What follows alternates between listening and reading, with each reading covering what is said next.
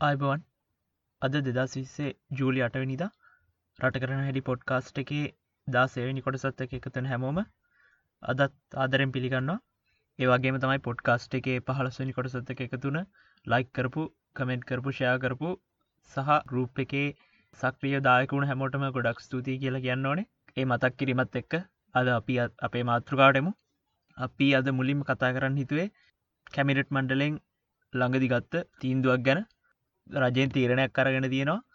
ලංකාවේ නීතිය යටතේ අවශේෂ කැලෑ කියලා වර්ගීකරණයට ලක්වෙච්චි ඉඩම් වෙනත් පුද්ගලින්ට ලබාදීමේ අයිතිය ප්‍රාදේශය ලේකම්වරුන්ට සහ දිස්ත්‍රික්ක ලේකම්වරුන්ට ලබා දෙන්න.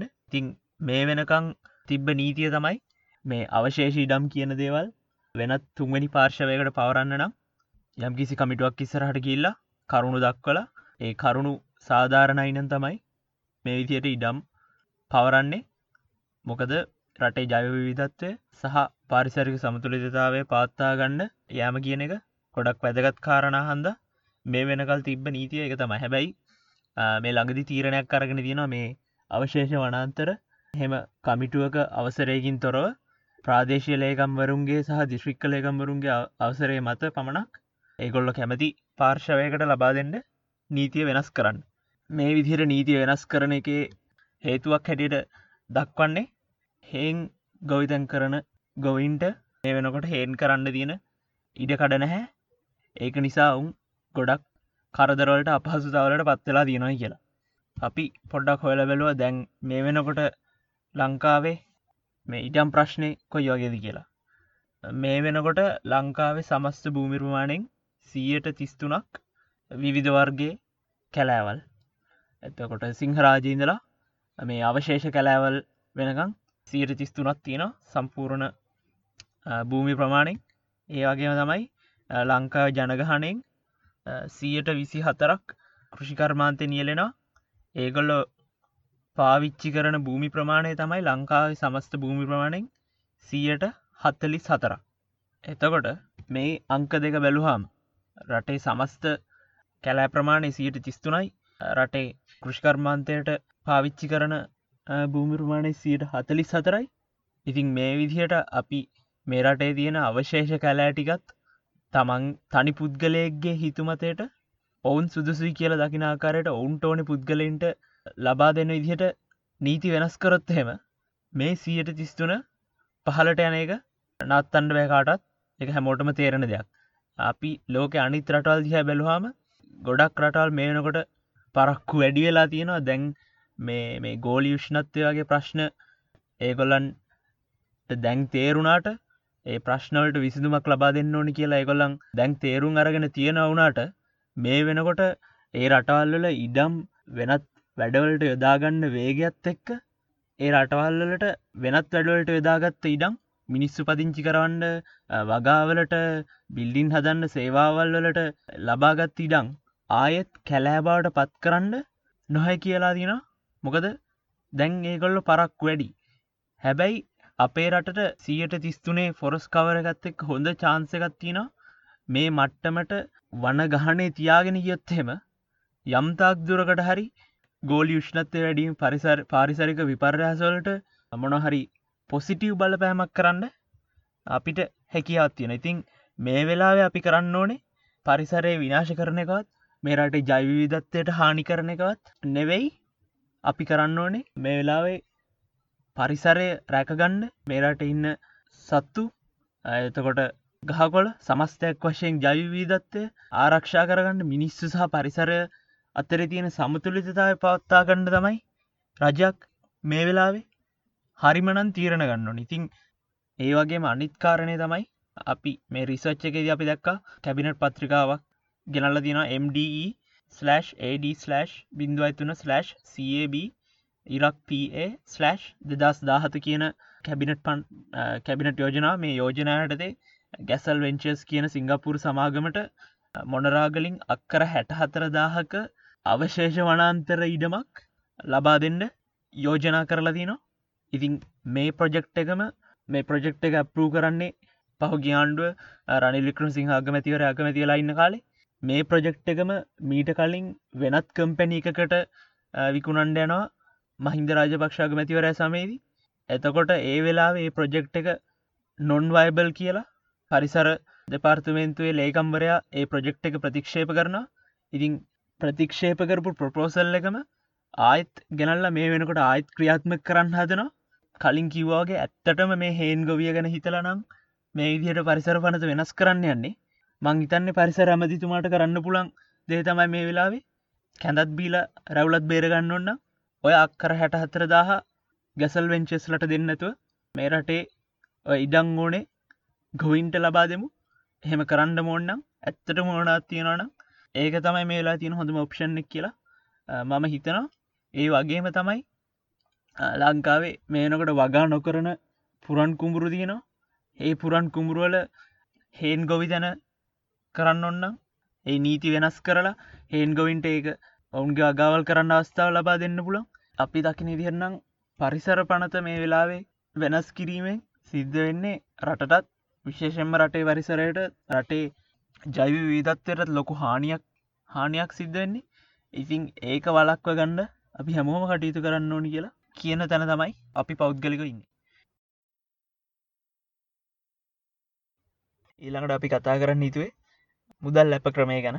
ඉතිං කොළ දකින්නදී පහුගේ දවසක කුසල් මෙන්ඩිස් ලංකා ක්‍රීඩක අතින් රියාන තුරක් සිද්ධනවා වාහන ඩයිව් කරගෙනයනකොට නින්ද හිල්ලා වයසවරුදු හැට හතරක පුද්ගලෙක් ආසන අන්තිතියට මියන ඉතිං අපි හිතපු ඉදිහටම පහෝදාම් වගේ ඇප හම්බුඩා මුදල්ල ශරීර පැත්තියලා මේකින් සමාජය අපි සමාජ මේකෙන් ලොකු කැලබීමක් ඇතිවුණ ලොකු කතා බහක් ඇතිවුණා ඒ අපි දැක්ක.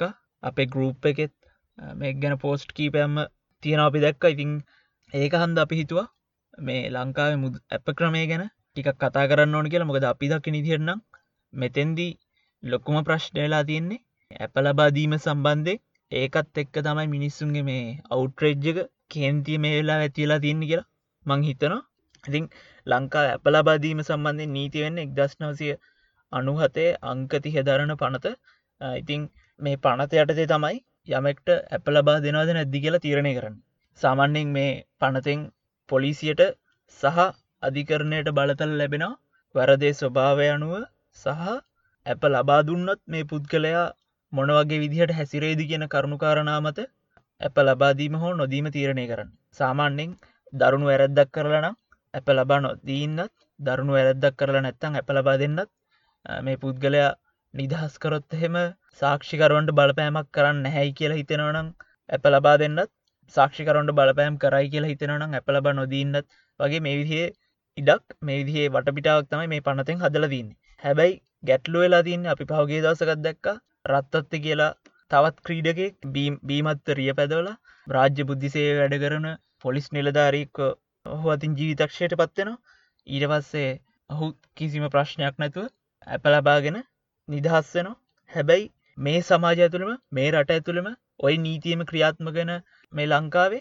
අපි දකිනා පොඩි හොරකමටත් පොඩි රණ්ඩුවටත් පොලිසි ගානේ දවස් ගනම් පෑගනම් රස්්‍යයාදුවෙන මිනිස්සු ඕනෙ තරන් ඉන්න සමහරක්කට ඔගොල්ලන්ටත් එහෙම අත්දැකීම් ඇති මේක හන්ද තමයි අපි කියන්නේ මේ ගැටලුවේ මුලින්ම අප ඉසඳන්න ඕනෙ දේ තමයි ඇප ක්‍රමය කියන එක.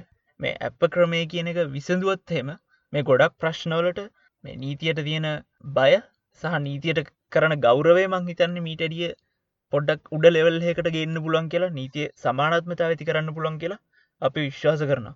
ඉතින් මේ අපි රිසර්ච්ච එකදී දැක්කා. මේ මුදල් ඇප ක්‍රමය කියන එක ලංකාවේ ඇරණුකොට මේනකොට ක්‍රියාත්මක වෙන්නේ ඇමරිකා සහ පිලිපීන විතරයි. මොකද මේ ලෝකේ අනිත් ගොඩාක් රටල්ලට පිළිගන්න එකක් තමයි මුදල් ඇප ක්‍රමය කියන එක. හරිම අමානුෂික අසාධාරණ වැඩක්. ඒකෙන් වාසියක් සිද්ධනනම් ඒ සිද්ධ වෙන්නේ රත්තත්වලට මේ රටේ සල්ලි තියෙන මිනිස්සුන්ට මේ රටේ දේශපාලන බලය තින මිනිස්සුන්ට මේ රටේ කනෙක්ෂන් තියෙන මිනිස්සුන්ට විතරයි රටේ දුප්පත් මනුස්සයට අස්සරණ මනුස්සයට මේ මුදල් ඇප ක්‍රමෙන් සිද්ධ වෙන්නේ තවත් අසාධාරණයක් අවාසියක් විතරයි කියලා ලෝකෙ ගොඩක් රටවල් පිළිගන්න ඒකන්ද තමයි අපි අර කලින් පොඩ්කාස්ට එක කතාකරි බර්නි සැන්ඩස් පවා මේ මුදල් ඇප ක්‍රමය කියන එක ඇමරිකාවේ නීති විරෝධී කරන්න සටන් කරනවා අපි දැක්කේ. ඉතිං මං හිතන්නේ අපිත් මේ වෙලාවෙ මේ මේ සිදුවීම් දෙක මේ කුසල් මෙන්ඩිස්ුයි මේ රත්තත්තගේ සිද්ධියනුයි අපි මේ වෙලා පාඩමක් ඉගෙන ගන්නවා නම් අපි මේ වෙලාවේ කරන්න ඕනි දේ තමයි මේ මුදල් ඇප ක්‍රමය කියන අමානුෂික අසාධාරණ නීතිය අයින් කරලා ඒ වෙනුවට සාධාරණ සිිස්ටම් එකක් සාධාරණ බේල් සිිස්ටම් එකක් අපේ රටට අපේ නීති නීති ක්‍රමයට අඳුන්වා දීමෙන් කියලා අපි ශ්වාස කරනවා. ති ගොඩක් රටවලට සිද්ධ වෙන්නේ පැරැද්ද ස්වභාවය අනුව නැවත අධිකරණය පෙනී සිටීමේ සම්භාවිතාවය අනුව අධිකරණයෙන් තීරණය කරන යම් කිසි පුද්ගලෙක්ට ඇප ලබා දෙන්න සුදුසු නැද්දි කියලා. එතැන්දි එතැන්දි ගොඩක් දියුණු රටවල්ල ගොඩක් ප්‍රජාතන්ත්‍රවාදයට ගරු කරන රටල්ල සමානත්මතායට ගරු කරන රටල්ල මුදල්ලට ඇප ලබාදීම නොදීම තීරණය වෙන්න සමාජ මට්ටම අනුව ඇප ලබාදීම නොදීම තීරණ වෙන්න ජාතිය ආගමනුව ඒක තීරණය වෙන්න ඒකම තීරණයවෙන්නේ මඟර කලින්කි වගේ වැරැද්ද ස්වභාව අනුසා නැවත අධිකරණය පෙනී සිටීමේ සම්භාවිතාව අනු ඉතිං සාධාරණ නීතියක් තියෙන්න්න නම් සමානාත්මතාව ඇතිවෙන්න නම් මේ මුදල් ඇප ක්‍රමය කියන ජරා සිිස්ටම් එක මේ ජරා නීතිය සංශෝධනය වෙලා අයිංගලා යන්න ඕනි කියලා විශ්වාස කරනවා. එතකොට මේ රටේ බලපුළුවන්කාර මිනිස්සුන්ට මේ රටේ දේශපාලන බලය තියෙන මිනිස්සුන්ට මේ රටේ කනෙක්ෂන්ස් තියෙන මිනිස්සුන්ටත් මේ නීතිය ගැන යම් කිසි මීටඩි පොඩිහරි ගෞරවයක් ඇතිය කියලා අපි විශ්වාස කරන මේක ගැන අපි පුරුදු විදිහටම කතා කරමු. මේ ගැන ලොකු සාකච්ඡාවක් ඇති කරමු කියන ආරාධනවත් එක්ක ඒ ඉල්ලීමත් එක්ක අදට අපි අපේ පොඩ්කාස්ට් එක නවත්තන අද පොඩ්කාස්ට් එකට එකතුන හැමෝටම ගොඩක් ස්තුතියි. එහෙන මයිබවා